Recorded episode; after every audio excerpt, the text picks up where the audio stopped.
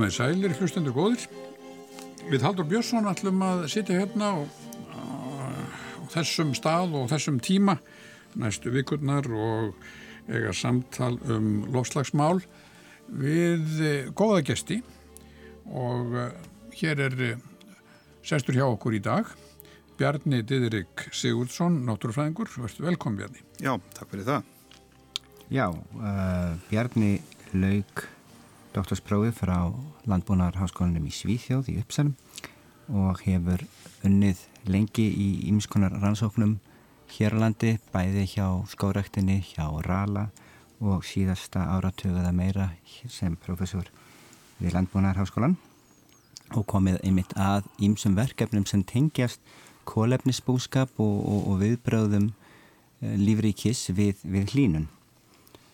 Það maður kannski byrja á því að, að það sem við ætlum að ræða er svona stóra myndin af því er, er kólefnis ringgrás og hvernig uh, lofslag hefur áhrif á kólefnis ringgrás uh, margir sem hafa lært efnafræði í, í skóla muna kannski eftir einhverju sem hétt lífræn efnafræði sem var yfirleitt frekar mikið af alls konar nöfnum, þetta var svona daldið eins og læra símaskrána. Og hérna, en snýris kannski daldið um það að að kólefnis eh, samsætur, eða kólefnis hérna, efnasambund sem eru til sum eru, eru svona hlaðin orgu og það er hægt að brenna þeim. Þau geta þar með það er raun og verið lífríki sem að, sem að, sem að hérna, gengur frá kólefni í þetta form og svo höfum við og ímisferli brotið þetta niður á ímsa vegu og ákveðin svona enda afur þess er svo CO2 og þegar að kólöfnið komið inn í CO2 þá er voða lítið hægt að brenna það. En, en plöndur og, og, og lífriki tekur þetta síðan upp aftur og, og breytir þessu í eitthvað sem hægt er að nota.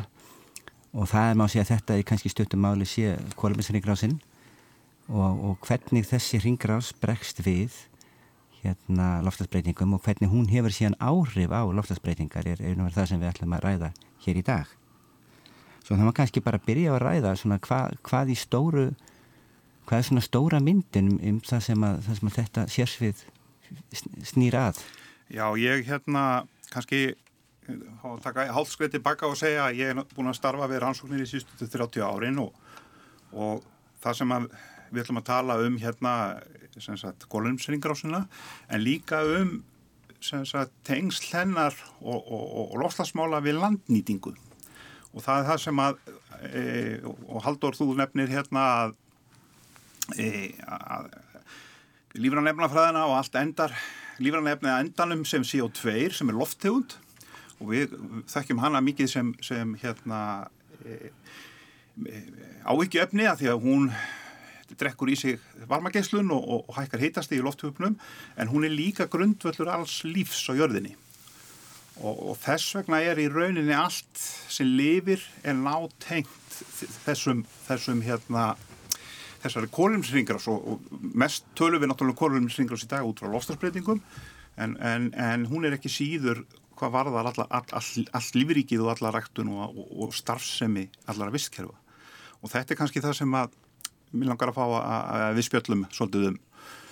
Og, og það er e, og þess vegna er alltaf verið að blanda saman þessum, þessum sagt, e, landnýtingunni e, við e, þessi, þess, þessi lofslagsmál og, og hérna en við erum að dæla eða auka, við erum í rauninni við höfum talað um þessi lofslagsmál haldóri eins og, og kólefn á villikotum e, fyrir á förmlisöld og, og fyrir löngu síðan var, var styrkur koldioxiðs í lofthjóknum miklu herrinir í dag og hann hluta þessu, þessu kollefni hefur stengjast og, og, og var, er komið út úr hringrásinni en við erum að koma því aftur í hringrás með því að, draga það upp e, og brenna því og brenna því. og þá með því erum við raunin aftur að byrja að auka hildarmagn e, þessara loftegundar koldjósiðs í andurklótinu og, og hérna og við erum að við erum alltaf að síða auka þessa, þessa losun en við segjum kannski 10 miljardar tonna á ári sem við erum að bæta inn í kerfið. E, og það er e, til samanburðar er land, landvistkerfi á, á jörðinni að þau eru á hverju ári að, að, að taka upp úr lofthjúknum e, með ljóstillifun og það er svona tíu sinu starri tala heldur en e, við erum að losa, við erum að auka hringrásuna e, sem er tekin upp en það er nánast sama magn e, Sem er losað sem er losað aftur. Þannig að við erum með stóra náttúrulega kólumsringrás sem er svona tífalt frá, bara frá landi er svona tífalt magn þess sem við erum að losa með, með, með bruna jarðumnælsniðis og en munurinn á þessum tveimur hlutum er sá að, að náttúrulega hringarásin e, er e, e, þannig að hún er reyndar ekki jafnvegi, hún er að taka meira upp en hún losar á hverju ári. Og hérna sem er þá ekki vandamál, væri þá ekki vandamál nema því að við erum alltaf að auka heldarmagnið og þess vegna erum við að tala um kólefni á, á, á villugotum þegar við erum að tala um, um loslasmál og landnýtingin er síðan hefur heilmikil áhrif á, á, á hinnar ringrásuna sem er þessi náttúrulega ringrás. Hefur bara, Bjarni, fyrir ekki, sko, þú sagðir að kólefnis, sko, þessi, þessi, þetta hlutfall hefði verið herra. Ef þú fyrir aftur, aftur í sögun eftir að tala um svona á, á frum, bara á Já, ég, frumöldum. ég er nú að tala á, á, á, á krítartíma og, og Já, já, fyrir, fyrir hérna mörgum miljónum ára síðan. Já, já, já, í, í loftla söguna hafa skipt á tímabil sem voru ákaflega hlý og svo önnu tímabil sem voru köld og jafnvel kaldar en nú er. En hérna þannig að þa það er alveg og það er svona hluta af því sem við vita um loftla söguna að þessi heitu tímabil þau fara saman við tímabil þegar er mjög mikið að koldjósi í loftjöfnum já, já. og hérna það, það er þekkt en hérna en stóra saga náttúrulega við svona skoðum allavega síðustu 60 miljón ári er hægt lækandi styrkur kólefnis í, í loftjöfnum fram að, fram að að- síðustu, síðustu árum eða síðustu 100 árum Já, já, já. En, en og það sem að ég er að tala um er í rauninni eitthvað sem að var fyrir meirin 150 miljónum ára. Já, já, á, á því tímabili þegar að, að var líka mun hlýra á jörðinni og jáfnvel hlýra en við erum að spá, að geti orðið mest eftir Já, 200 já, ár hjá okkur í dag sko. En það var ímislegt annað líka styrkur sólaljós var annar og fleira. Það, það, það er önnur saga Það er önnur saga. og það ekki er hægt að reykjana í, í samhengi við þetta núna. En, en þá sko er ágætt að velta þessu fyrst að við, sett, kolmis, þetta er kolminsringrásin og, og það er þessi stóra ringrás og, og við erum svona taka hann úr jafnvægi. En það var að spurja sko þegar við tökum hann jafnvægi hvernig bregst þá bregðast þá þessi kerfi við, hvernig bregst bregðast bara lífrann vist kerfi við því að, að, að við séum að auka CO2 í loftjöfnum Já, við erum náttúrulega þegar að, að, að styrkurinn hækkar á, á loftjóknum og að því að þessi lofttegund sem við ofta, oftast að hugsa um sem vandamála er líka grundvöldur á lífs því að allur gróður og allt grænt og allir þörungar e, taka upp þessa lofttegund til að vaksa e, að þá bregst, bregst lífríkið við á landi, e, getur lífríkið bröðist við bóháð öðrum þáttum í rauninni ef þegar styrkur koldíðsins eikst og að, þannig að, að framleiðinni og vöxtur eikst þannig að það er svona það er temprun, já, eins og við kollum jákvæð temprun í kerfinu. Síðan höfum við náttúrulega hafið sem að svarar er, lík, er kannski enn mikilvægara og, og, og, Já, og tekur upp á- álíka mikið. Og, og tekur upp álíka mikið. Já,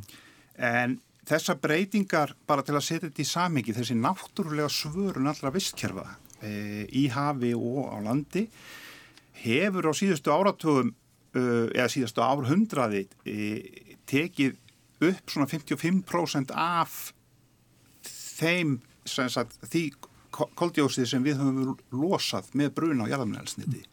Þannig að ef að landvistkerfin hefði ekki bröðist við og, og, og, og hafið, þá væru við á miklu verri stað eh, heldur en við erum í dag.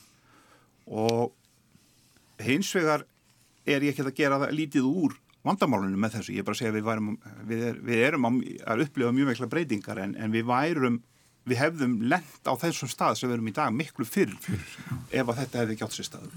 En þessar breytingar meðal annars, sko, þessi aukna upptaka vistkerfa, hún hlýtur þá að þýða að, að, að jörðin sé að vera grætni, það, það hlýtur að það, þetta er ljóstillífun sem að gera þetta. Já, og það hefur á mínum ferlið sko þegar að eh, við hérna á nýjunda, á tíunda áratögnum að þá var alltaf talað um eh, sem sagt ho- horfna ja, tapaða kólefnið sko, mm. missing sink mm. þess, út af því að menn uh, átti ekki vona á hérna fyrir nokkur áratugum þá heldum en að kólefnisringra sem var í ákveðinu jáfnvægi og við varum að losa og það myndi bara uh, hérna aukast en þá komist meina því að, að náttúrulega ringrásinni er að taka meira upp á hverju ári heldur en hún, heldur Já, hún losa virknin er aukast virknin er aukast mm. og og það hefur orðið mikið, það má segja í rannsóknum og alþjóðavísu er kannski skilningur okkar á þessari kólinumsringar á stað sem að eh, við, við hafa orðið stórstíka frambarið í skilningi okkar á mm. hvað er að gerast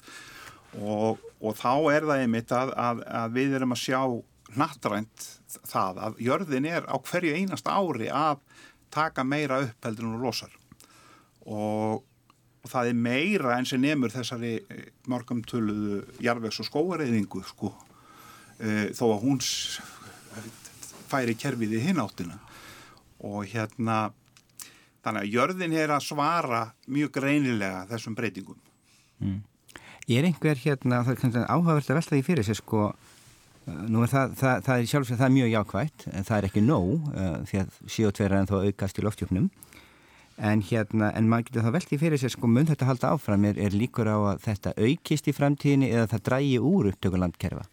Já, þetta er, þetta er eina stóru spurningunum haldur eins og þú veist. Og þetta er eina, þetta er eina reysa spurningina því að e, eins og ég segi frá 1980 til dæmis þá hafur þessin aukna upptaka bundið um það byrjum 55% af öllu því koldjósið sem við höfum verið að losa aukalega með jarðamæðarstendinu og það eru mjög margir lostasfræðingar sem hafa ágjör á því að, að, að þetta get ekki haldið svona áfram. Að vistkerfi get ekki bara haldið áfram að svara meir og meir. Auðvitað er smá hluti af landvistkerfum þegar það hlínar til dæmis hérna, þá, þá breytist, breytist aðstæðar á norðurslóðum en norðurslóðir eru samt ekkert mjög stórar í náttúrulega samhengi. Og hérna við getum ekki útskilt allar þessar breytingar með því sem hafa vorið á, á netinu mm. mm. og hérna e, og það eru svona hafa verið nokkra nokkra greinar á, á síðustu svona fimm árum sem hafa bent, er, er að benda á það að, að, að hraði e, þessar aukningar sé að minka Já. og það er þá mjög mikið áhugjefni að því að ef að náttúran hjálpar að, tempra e, áhrifin af aukunum, auk, aukinni mengun þá, þá hérna þurfum við að gera ennþá meira heldur en við höfum, gefum okkur grein fyrir. Það má kannski, uh, minnir að, að, að, að það ekki hjá mér að rannsóknir Hjörlandi hafi meira en að sínt þessi áhrif að það er að segja ef að kerfi hlýna of mikið þá, þá verði einhver svona grundvallar breyting í þeim og þau geti hægt að taka uppi og jáfnvel bara hrunið alfarið. Já, það er síðan e, við höfum verið e, á, bæði hér á Íslandi og svo eru alþjóðlega rannsóknir líka sem hafa verið að fara og, og maður segja hýta upp vistkerfi og bara breyta aðstæðum eins og þegar spáðir að verði eftir e, í lokasar aldar til dæmis. Já, þú gerir þetta var ekki... Já, ég gerir þetta til dæmis í, í mínu dóttorsverkefni og, og hérna og við erum með mjög skemmtilegt verkefni hérna þar sem við erum myndið að nota jarð hérna á Íslandi til að, til að skoða hvað gerist þeirra hlínar. Var mikið breyting hérna til Suðurlandskjáltan á, á dreifingu jarðhitta í Ölfusinu. Og þá fór allt inn að hlýna á nýjum stöðum sem höfðu verið kaldir áður. Og þar höfum við einmitt verið með rannsóknar verkefni þar sem við höfum verið að skoða þessi áhrif og, og hérna og sjáum það þegar að hlýnunin verður meiri en svona fjóra til fimm gráður að þá byrju við að sjá mjög alvarlega áhrif á íslensku visskerfi þá fara þessar, þessar náttúrulegu að, að raskast svo mikið að, að við getum farið að tapa mjög miklu kólefni út úr okkar mm. Og, og er þetta þá eitthvað sem mann getur búist við að eitthvað álíka eigi við þó við séum kannski aðra þröskulda í annar staðar í heiminum, í stærri vistkerfum hittabeltis og annar staðar Já, þetta er sjálfsögðu ekki svona einfalt að það sé bara einhver einn tala, Nei. að það sé einhver hlínun upp á x gráður það, það, það, maður getur ekki búist við að sé einhver galdra, galdra hlínun að tala upp á 2,5 eða 4,5 eða eitthvað slíkt, að þetta fennáttur þetta er svolítið aðstæðum í hverju vistkerfi fyrir sig e, En það er alveg ljóst og það sem við sjáum gerast til dæmis í okkar stýrður ansóknum að, að þessi markmið til dæmis saminuð þjóðana með að reyna að hamla hlínun uh, þannig hún verði innan við tverrgráður að það rýmar bara mjög vel við það sem við sjáum í íslenskum móum og íslenskum skóum sko. Ef við ætlum að kerfið hefur sveianleika til að bregðast við en þegar hlínunum fer að fara mikið yfir tvær gráðunar, eða komin upp í þrjálf fjórar þá, þá fara þau að hrinja, sérstaklega ef að hlínunum gerist hratt. Býtu, uh, þegar þú segir þetta svona, orðar þetta svona að kerfin hrinji sko, hva, hvað, hvað áttu við? Já, þá á ég kannski ekki við e, neina, neitt holocaust en þá, þá á ég við að þessar ringrási næringarefna, orku og kólefnis að það er opnast. Að, að þá getur viskið að visskjörnum ekki lengur haldið í e, þau efni sem þau þurfa og lífverður þurfa til að, að, að halda áfram að vaksa hverju ári. Og þá getur þau farið að missa frá sér um bæði næringarefni og, og, og, og hérna og kólefn og jarðvegi til dæmis. Og þá versna lífskjörin og þá förum við alltaf að sjá meiri breytingar en, og, og breytingar oft í neikvæða átt að, að, að, og að hérna e, að jarðvegs eða hvað hva segir við lífskilirinn fara að versna þó, þó það hlýni á köldum staðins úr Íslandi. Já, já, og þegar þegar, þegar þið hafi verið að gera svona stýrðar þá, þá sviðsettíðurinn eða, eða reynið að búa til kringumstæður sem, sem samsvara einhverju leiti því sem enn geta átt vona á eða? Það eru nokkra svona rannsóknir sem hafa verið farið fram og eru í gangi á, á, á landinu. Og, og annars vegar geta menn sagt, stýrti með, með, bara með því að, að nota E, bara hýta upp reynlega bara gróðurhús bara gróðurhús. eins og Já. ég gerði í mjög dóttarsvarkefni það voru gróðurhús bara út í náttúrunni.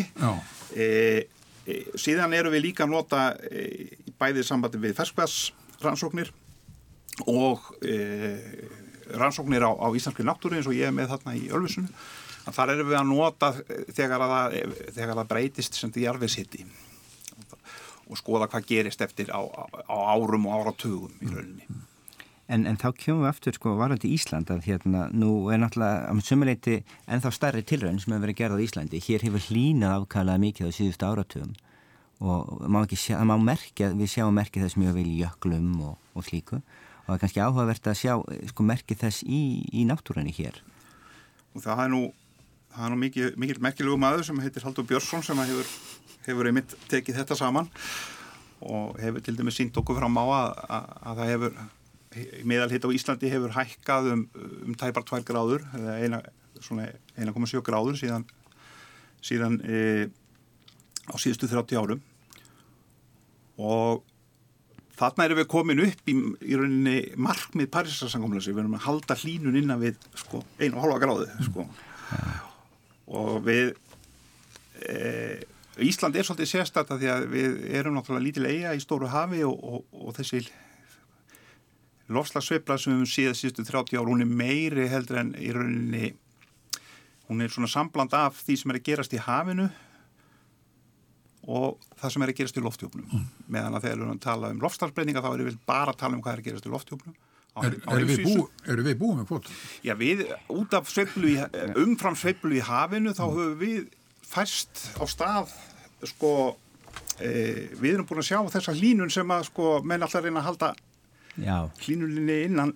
Það er náttúrulega sann sko þegar Paris samkomlega talar um tvær gráður á, á hérna, nætturana vísu en það er, kann alveg að verða meira á okkar svæði en, jú, jú, en, en þessar sveiblur sem er alveg rétt að vera sko hafið og, og, og sveiflurnar sem við sjáum, mann getur spurt sig að hlínuninn frá 1980 hversu mikið af henni er náttúruleg hlut af einhverju sveiflu í hafi og hversu mikið af því er hérna síðan hluti af gróðrúsaloftegundum og, og og loftasbreytingum og þá er náttúrulega, segjum, ef við myndum segja að það sé bara 50-50, það, það finnst aldrei eftir hvernig maður skilgræðir þetta, þá getur maður allavega búist við því að sá hluti sem er náttúrulega sveiflu, hann getur gengið tilbaka mm. En, en hérna, og svo komið aftur, sko, mm. þetta er bara hluti af einhverju svona langtíma sveiflu. En, en eftir sem áður, þá getur maður samt sem áður búist við því að viðbröð kerfisins við hlínun viðbröð bara landvistkerra við hlínun ættu að vera nokkur með eins óháði hvort að það er eh, gróðrúsaloftegundur utanfrá eða ráfstastbreytingar utanfrá eða úr hafi. Og þess vegna eru við með mjög áhugavert e, ástand á Íslandi í dag í rauninni. Að því við höfum upplifað það á 30 árum þessa, eða núna 40 árum þessa aðeins hraðari línun en, en, en að við annars þar á svipmömberðagraðum og hérna og við erum að sjá þess náttúrulega alveg greinileg merki á íslenski náttúru en það er náttúrulega eðlið þessara breytinga að það er gerast e, yfirleitt svona frekar hægt, þannig almenningur kannski er ekki alltaf að sjá þetta en þeir við sem erum að fást við sko vöktun og rannsóknir á náttúrunni við, við sjáum gríðarlega breytingar á Íslandi á, á þessu tímabili. Þannig að er, Ísland er góð sem land í þessum skilningi fyrir, fyrir fræðmenn. Þetta er náttúrulega, við erum, við erum alltaf best sko.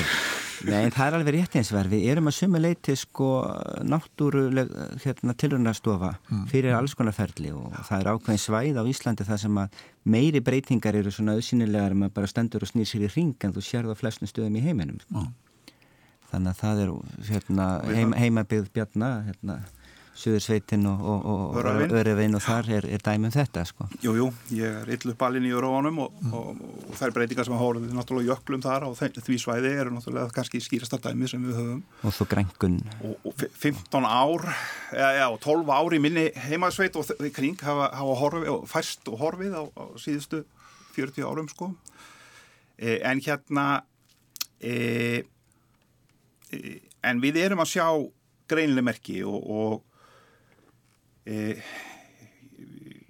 mestu áhrifin samt eru í hafinu kringum, kringum landi e, það eru enn meiri orði, enn meiri áhrif að því að þessi söfla hefur, hefur e, mm. verið starri í sjónum og við þurfum náttúrulega, ég held að hlustendur séu nú meðvitaður um þessar miklu breytingar sem að hafa orðið e, svona út frá náttúrufræðinni þá náttúrulega voru það sérstaklega breytingar í uppsjáfafiskum eins og sandsíli mm. e, sem byrjaði þarna upp úr 2000-2005 e, og þetta leiði þess að sjófuglastofnar hrinja til dæmis í Vestmannefum, mm. Suðuströndinni, Vesturlandi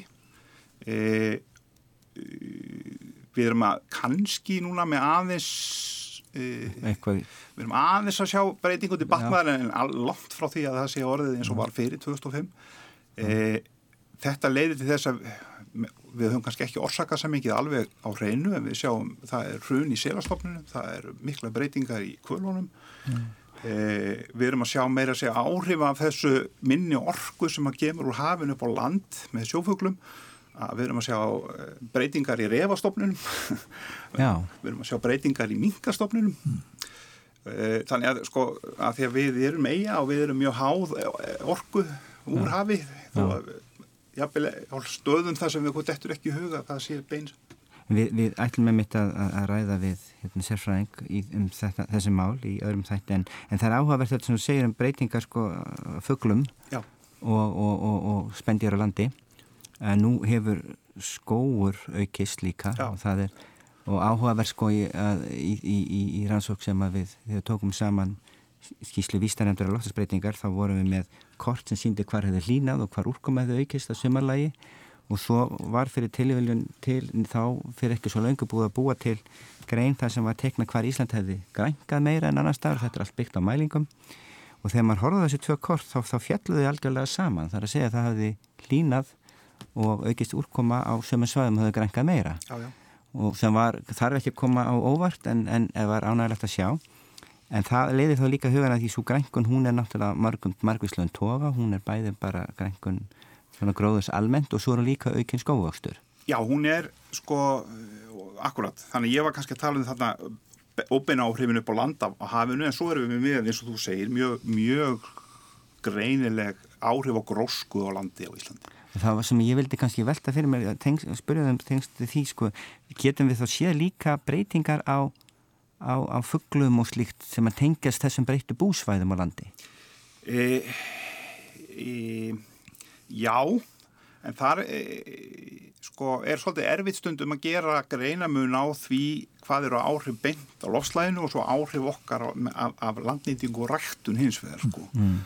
Og, og það orsakasamingið er stundum svolítið, e, svolítið flókið e, og þá hérna e, og það hafa vorið meiri áhrif af til dæmi skóræktin og garræktin og Íslandi hefur haft meiri áhrif á fugglarlíf heldur en kannski að því við hefum búið til búsvæði fyrir fleiri tegundi sem ekki gáttu komið hér hvort, óháð því hvort það var kaldara eða hendara áður þannig að þarna er stundum erfitt að, að, að vera sko, segja hvað eru áhrif losasbreyningan og hvað eru áhrif eh, landinningar eh, en það hefur einmitt og sérstaklega hérna á fyrir hluta þessa tímabils eh, sem við erum að tala um eh, með þessari hlínun á Íslandi þá grænkaði Ísland mjög mikið og millir 1980 og 2 til 2010 að þá þá er þetta svo kallað grængu stuðul sem er mældur með gerfinhöttum mm. að hann jóst um ríflega 80%. Það, Já. Það þýðir í rauninni og þetta er ekki, þetta er kannski fyrst og fremst á gróðu þegar það er að þéttast. Það þýðir, þetta þýðir í rauninni kannski ekkert að það sé endilega meiri, sko að flatamáli breytir svo mikið á gróðurinnum heldur, það er bara meiri og þéttari gróður á hverjum fermetur Já, uh, og hitt hefur ríkar gest sko. já, flatamáli. Já. Uh, og hluti af þessu er og á þessu tímanbili til dæmis frá 1990 þá sjáum við til dæmis í, í landsúttektum uh, að skóarþekja náttúrulegra byrkiskóa sem er ekki verið að sá eða gróðusetti eða neitt, hún hefur aukist um tæplega 10% að, við erum að sjá mikla svörun bæði í, Já, í í- gróður magni en líka breytingum á gróðuri Já, útbreyslu þá. útbreyðslu og við erum að fá kannski og þetta, er, þetta verður þá þetta má kannski segja, við erum að flytjast þá aðeins sunnar í aðstæðum og þá líka svara vistkerfin og, og, og hérna fyrst svaraði með því að, að, að, að, í gróðufarinu að það, það, það græri meira. Já, en síðan með tímanum eru kannski þarnir einhverju þröskuldar sem heldur aftur af ákveðnum tegundum af, af lífurum og þá byrja gróðu breytingar og það er ofta eitthvað sem tekur meiri áratugi meðan hitt svarar rætt. innan, innan, innan rætt Já, það sem er þegar fyrir getur Já. svara hraðar en það sem kemur inn. og það sem við erum að sjá í gerfinháttunum er það að þó að það hefur orðið þennan þessi mikla eh, grósku aukning á Íslandi upp til 2010, það held áfram að hlýna eftir 2010 Já. e, vísu kólnaði hérna aðeins aftur í lok síðast áratöðar en grænkunni held ekki áfram eins Nei. E, og þetta er ekki bara á Íslandi, þetta gerist allt í kringum norðurskvötið hraði grænkunnin að hætta að fylgja hlínuninni Og er það af því að kerrin eru bara búin að mettast? Já, sko, eða... það, og það, þarna er komið að því hvað, hvað menn er að rannsaka sko. Og, og menn er að reyna að skilja sko, af hverju gerist það, af hverju nú bara hlýna meira við á þessum köldu svæðum? Af hverju heldur bara ekki áfram að færustu ekki bara sunnar en, það, en vistkerfin eru flókin? Og það sem er að gerast til dæmis er að þá, sko, það fjölga fæðuþreibunum allt í nú fyrir við að fá sko, uh, bakteríur og sveppi og, líf, og lífríki sem að eh, það er komið hérna visluborð, við getum fara að borða meira. Og ef þetta er í ræktu, á ræktuðu landi þá kallum við þetta pestir og sjúkdóma en, en út í náttúrunni gerist bara líka þetta. Við kallum þetta bara fleiri fæðu þurrp og þá þannig að sko og þá, og þá hægir náttúrulega á gróskunni því að það er orðið fleiri sem er að, borða sko. Þannig að fyrir, ef við hugsaum sko landnýtingu, minnist á landbúnað sko að, að, að þetta það hljóta ræktar skilir það að batna Já, en á sama tíma þá ertu líka farin að sjá uh, að, að einhverju leiti geta orðið erðaðari.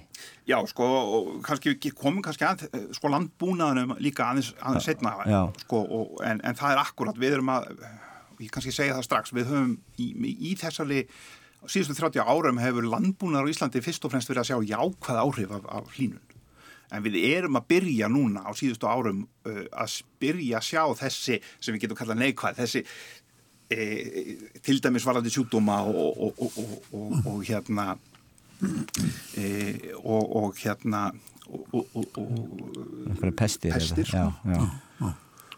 En, en, en þegar, þegar menn tala um breytingar og, og, og menn verða meðvittar um það að það, er, það eru heilmikla breytingar í gangi og uh, menn fara að leita á allar bregðast við, það er áhersla lögð á skórakt, það er áhersla lögð á framræslu, votlendis eða að hamla gegn framræslunni Já, já. mókón í skurði sko er þá ekki farið, farin í ganga einhver breyting sem rugglar vísindamennina sem er að fylgjast með, uh, fylgjast með þróun þessari uh, loftlagsbreytingana sem, sem, sem heims fyrirbæris? Já, sko e, e, Jú, eins og ég segi að því að Já, þjó- nefnir það ekki að það að landi, tala um- og lofslagið er svo nátengt og Tengt, gegnum þessar kolumsringur ás og, þess vegna ég myndi ekki segja að það væri kannski vandamál en, en, en, en ef við horfum hins vegar aftur í tíman þegar við erum að til með að horfa á náttúru Íslands. Já, Ævar, þú ert nú maður á bestaldri og, og hérna e, þú kannski mannst það að það var í rauninni valla til svo blettur á Íslandi sem að var sko friðaði fyrir beit, beitadýra til dæmi sko. Og, og, og þeim að kirkjugarðar þessuna spratt vel það það spratt vel þar og áður, á- áður en garrækt var svona almenn, getur við sagt í, í, í fyrir þetta Reykjavík. Og hérna en það hefur náttúrulega breyst mjög mikið á síðustu sko, síðustu 40-50 árum.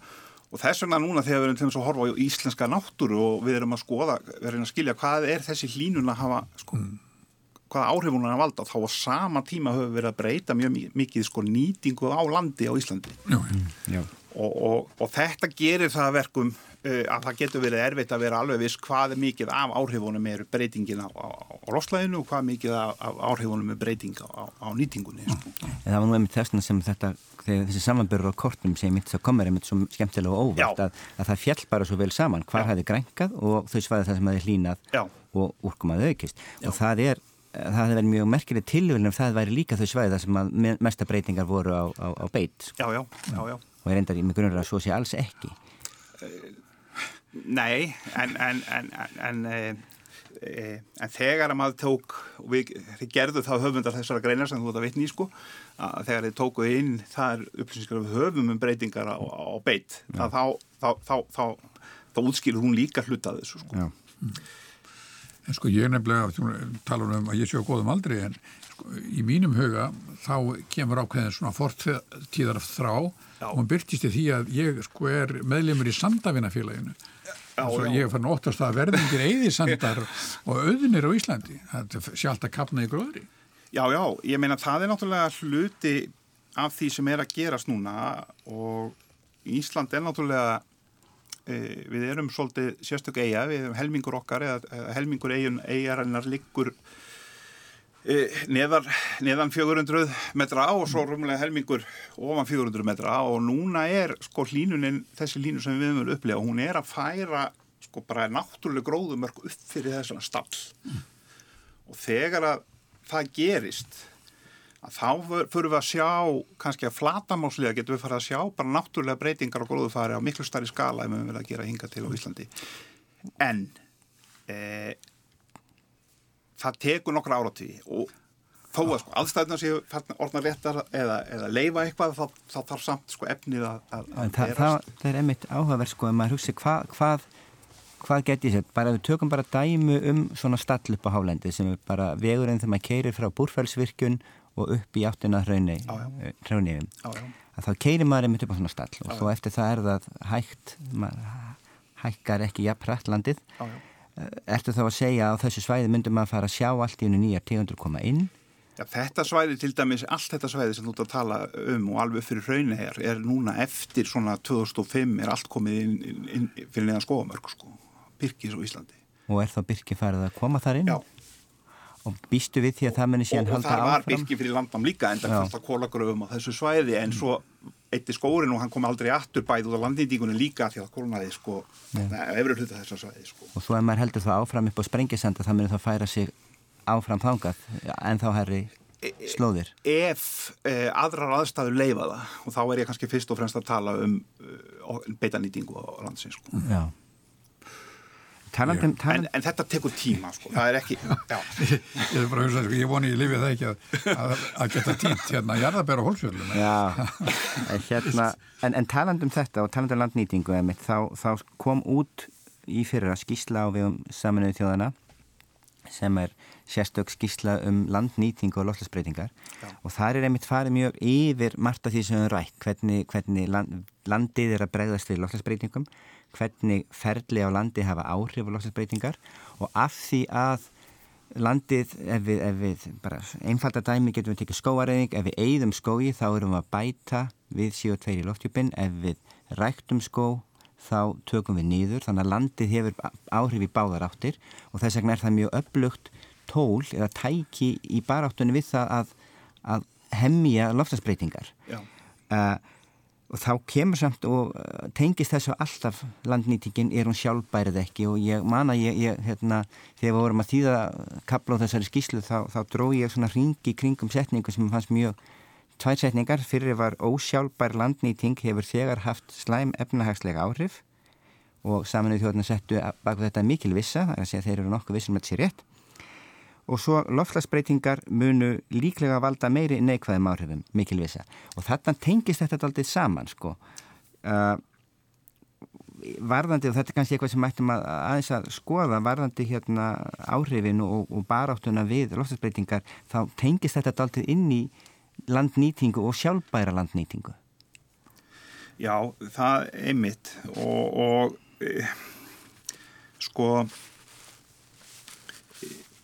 alltaf ef við breytum sko að því við það er svo mikið af kolumins forða jarðar bundin í gróðri og jarðvegi að ef við breytum einhverju visskerfi úr kolumins ríku visskerfi í kolumins fátakt þá er munurinn á þessum tveimur stöðum eða í tíma að hann er bara koldjósið sem er upp í andrslóttinu og, og hérna og við, það er svona talað um að 20 svona frá 2003 til 2000, þessi aukning á, á gróðslofttegundum í, í loftjúpnum frá 2003 til 2016 að það sé svona ykkur svona 25% um það byl að þessari aukningu 75% er út af brunna jafnlega auk, aukin orkuvinslu mm -hmm. en 25% er út af breyting og landnýtingu. Já, sem að landi er þá að losa að við erum að breyta landi úr kólumnis ríku í kólumins fátakt eða, og svo er þetta ekki bara kólumni þetta er líka metan og, og nitturóksi og, og hérna þessar þrjálgráðurúsalóttegundir sem náttúrulegu.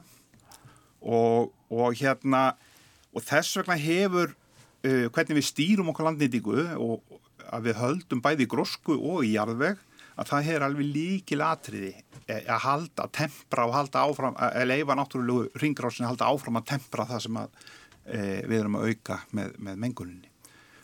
Og hérna og þetta er náttúrulega þegar það hlínar en ekki síst þegar það þornar á þurrari svæðunum. Það, mm. sko, það hlínar og, og, og, og verður meiri regn, segir Haldur Björnsson okkur hér á Íslandi í, í, nefnd, í, í hérna skýrslu vísinu nefndar um lofthalsbreytingar en á þurrar eða svo þá gengur þetta í hináttina það, sagt, það hlínar en það það þotna líka. þotna líka.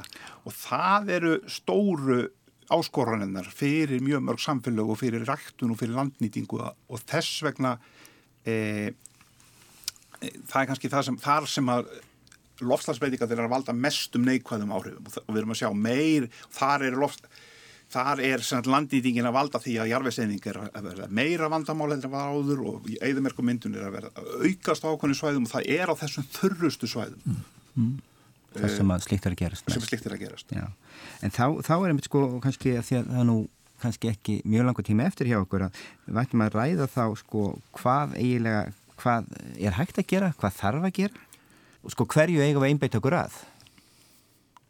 Já, það hérna þegar e, stort er spurt e, sko, mínum mati þá eru það fjórir þurfum, það, það er ekkit eitt sem leysir þetta vandamál með, með aukningu og gróðsvarategundum og áhrifum á loslægi en er, við þurfum að vinna samtíma sá, sérstaklega á fjórum atriðum. Og ég veit að ykkur af, af þáttunum verða um mismunandi hluti sem ég tel upp núna. Mm og það sem, er, það sem er, skiptir mestumáli og, og, og, og er það sem allra mikilvægast er að það er að afkóla orkukerfi heimsis Já, draga úr er að draga úr bara nótkun á, á steinarminnestundi og jarðarminnestundi og það er náttúrulega það sem allir, við erum allir að hugsa um og tala um hvernig getum við gert það.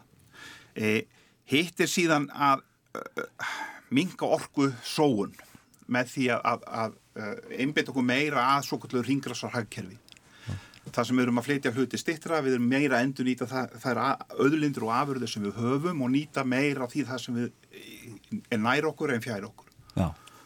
Uh, síðan vegna þess hversu uh, landnýtingin skipti gríðarlega miklu máli að þá er þetta fæðukerfi heimsis það er mjög stort mál og að líka að því að uh, aðlaganir okkar aðloftarsplendingum eru svo, verða að einbeta sér svo mikið að fæðukerfi heimsis Uh, og síðan á lokum að koma ykkur af þessu kólefni aftur í onni jörðina og í lífrikið sem að búið er að losa upp í lofthjúpin það er eins og uh, eins og uh, hérna IPCC Milliríkja nefnd saminuð þjóðana Milliríkja nefnd saminuð þjóðana bendir á e, núna að það er við erum búin að losa þetta út í lofthjúpin við erum visskerfið við erum búin að taka upp rúmlega helmingin að þessu en við verðum að, að ná því aftur niður og það gerum við ekki nefna með breyting og landnýtingu því að það, það er, þannig getum við sko komið aftur kólefni onni í jarfi og inn í lífmassan sem að það, á, það á heima.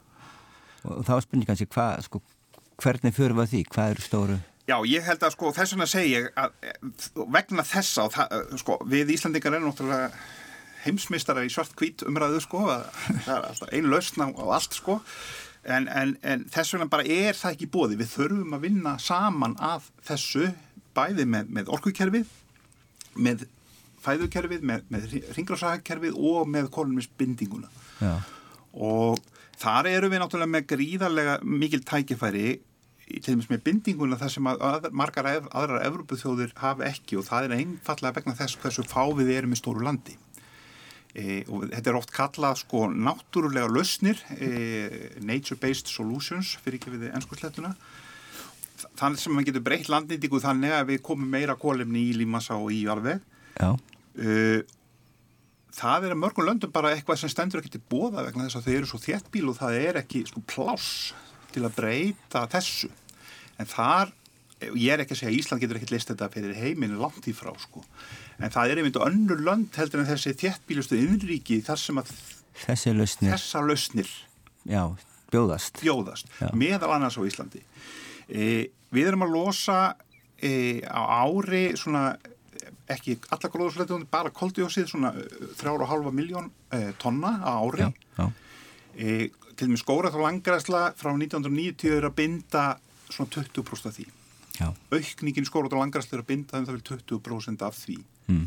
e, og endurreind votlendi sem að ég er bara hefjast hefur líka mikla möguleika. Það eru í rauninni þessar þrjár leiðir sem við getum notað á, á, á Íslandi. E, við höfum náttúrulega mjög spennandi verkefni upp á Helliseiði sem er Carpfix verkefnið. emitt, E, það sem að menn er að, binda kólefni í, í grjót. Já. E, það sem að takmarkun á því er að þeir þurfa að sapna koldjósiðinu það sem er mjög mikið styrkur að því það sem er að losa það úr þungaðina eða annað. Við erum að absolutt að halda áfram að nota þetta. E, og svo eru miklu möguleikar á semst, ég held að þarna þurfum við mitt að fá e, sko, landbúnaðar er reyndar eina eini geirin á Íslandi þar sem losun hefur minkað síðan 1990 það hefur minkað um 2% losun frá Íslangur landbúnaði All, af, af, af, Af- af gróðurslóttegundum Já, það hefur nokk eitthvað minkað í álverum til dæmis Já, og en þegar við tökum sko geirana Já, ok. eins og yðnað, það er náttúrulega mest hlutasli minkun orðið í sjálfútvegi Já, sem er að bjarga okkur svona í kolumnis uh, hérna bókaldinu Já. sem hefur allt og lítið verið þeim eru of lítið hrósa fyrir það. Uh, en hérna en ef við tökum svona heila geira ef við tökum sko orku, orkuna yðnaðinn landbúnað, já, já þá er landbúnað svo eini sem hefur minkaðum 2% síðan Byrju, 1990 hvernig, hvernig stendur? Hvað gerist þar? Það eru bara fyrst og fremst fækkun af, af, af búsmala. Já, já, En, en hvernig, sko, að við komum aftur á þessu, þessu að þú maður að ræða þetta hvað, hvað þarf að gera og, og, og þá kemur kannski frekar, sko, hvað, hvað þessu getum við gert og, og, og hvernig, sko. Já, en það sem ég er alltaf að benda á hins vegar er að sko bændur eru og, og, og landbúnaður er kannski eh, sko menn hafa verið allt og mikið að rífast bara um eina leið sko, það, það, sko ég held að, að fá sagt eh, landbúnaðin með í þenn, þessa vegferð sko. Mhm. e, og ekki bara að tala um eina aðgerð. Eins og þá, Eh, eins og bara að því ég er svona skóar sérfræðingur er bara skórækt ég ég má segja að ég, ég er, ég er málsvarið þess, þess. E, heldur við þurfum að við þurfum að mynda að horfa á þetta draga úr losunni eins og kostur er. E, landbúnaðar hins vegar býður okkur upp á þessa möguleika á á mótvæðisaðgerðum á, á, á, bæði endur en dvotlendis á, fá uh, vörslu með landsins til að- stunda meiri skórat be- betri langræslu og, og, og, og meiri e, sjálfbara ræktun á þann hátt að við sem að bæta inn í järvegs En, en er, er aukning lífmassans eða gróðurs er, er sama hvað það er? Þú nefnir skóræktina en er ekki alveg skott að Sko- rækta gras eða eitthvað annað? Jó, sko, e, þarna, þetta er bara spurning um tíma, strákar. Já, E, sko, ef að magn, lífmass á Íslandi, við skrifum, ég Borgþór Magnússon, náttúrulega stofnum, skrifum við mitt greinum þetta nýlega, e, sko, hvað er, hvað er lífmass Íslands? já, Og, og hérna, e, þannig að til dæmis er, ef að lífmassi á hverju ári ekst, alveg þó, þó hann, þó hann, þó, hann sé notaður e, strax næsta ári eða hverfi næsta ári, ef bara standandi lífmass á hverju ári ekst, þá er það mjög gott fyrir loftlæði, fyrir já, en auðvitað er það þannig að því lengur sem að hvers konar límas er það? Því lengur sem að stendur og, og, og, og rótnar ekki því lengur í verða áhrifin getur við sagt, þannig við höfum ba, getum annars vegar hort á heildarmak límasa á Íslandi og svo umfram áhrifin ef hann geimist svo mörg áru eftir að hann vex. Það er, það er vinn, vinn, en við Já. getum samt bara til dæmis með því að auka sko grósku, bara með því að auka ræktun til dæmis, meira bara jáfnvel þó við myndum bara auka ef, ef að ræktunin er þannig að það gangi ekki á jarvegsforðan sko, kólupsforðaði jarvegi að, að, að bara það auk, auki stofma hér að líma sig þó hann sé að nýttur á hverju ári, bara hann er að taka út úr loftjóknum á hverju ári meira, þá Já. myndir það vera hagkvæmt fyrir, fyrir loftslæði, eða fyrir loftjópin En hvernig aðgerum að tala um fyrir landbúnað, sko, getum við, erum við að tala um uppgræðslu á svæðum sem eru örfoka eða hvaða svona, Já, eins og ég, eins og ég segi, við erum að, að vinna með að, að, að e, hérna e, stopp, stoppa jarfiðsæðingu, náttúrulega fyrst og fremst og auka síðan e, hérna gróskuna í þeim, í röskuðum viðskerum og í Íslandi er náttúrulega við eigum mjög mikið á landi sem að við getum aukið e, gróskuna. Til dæmis skóar á Íslandi strókar, hérna, þeir þekja 2% af flattamál Íslands og það stendur 38% af lífmassanum á Íslands á, á þessum 2%. já, 38%? Já, á 2%, á 2% um landsins. E, og e, 28% af því er, er hérna byrkiskóðanir, bara náttúrulegu skóðanir okkar, Já. 10% eru, eru, eru ræktuðu skóðanir. E, þeir náttúrulega er að vaksa og þeir geima á hverju ári taka er alltaf, eru þeir að, að taka meir og meir. E, ræktalandið okkar er líka bara 2% það er jafnstort og skóurinn þess að tún og agrar já, það er sama tala sko og þar hins vegar á hverju ári e, er tekið upp 26 eða satt, vex 26% að standandi límas á, á ásins en nánast allt hverfur aftur. ferfur aftur og bara smá hlutaði verður í alvegur Já, skiljiði?